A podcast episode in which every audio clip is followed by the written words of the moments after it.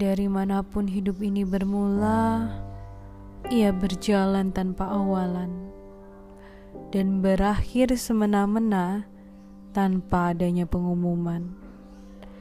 Beberapa waktu dalam hidup sering kuhabiskan untuk memandang rumput, mencari jantung yang belum kutemukan sejak lahir.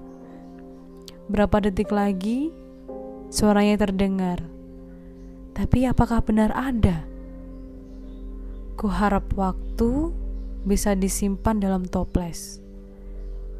Agar kalau aku lapar, aku bisa langsung menelannya sebagai camilan anti tua. Agar aku punya tenaga untuk menyembunyikan dosa-dosa dan merekatkan kertas amal yang kusobek ketika mabuk. Tuhan memang pembuat peta yang baik sampai tak tampak di mana kutub nyawa. Sementara aku berlomba dengan uban, memburu jantung yang jatuh di rerumputan. Waktu perlahan pasti tanpa disadari menjelma serupa Rokib dan Atit atau pembantunya mungkin mengiring manusia tanpa suara menghidupi meski tanpa detak jantung tanpa desah nafas terkadang memang menyesakkan atau melapangkan, terkadang melukis senyum atau menggores kesedihan.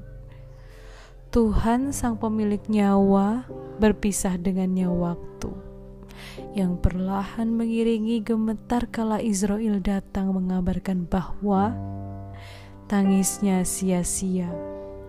Bahkan sebelum ia sempat menuliskan sebuah pesan atau sekadar menawar, tunggulah Israel, dia belum selesai menulis. Waktu tanpa jarum panjang pendek dan detak-detik mengakhiri titah Tuhan.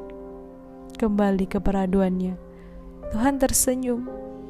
Tak perlu kau risau. Aku telah menitipkan amal dan doa-doa seribu malaikat untuknya.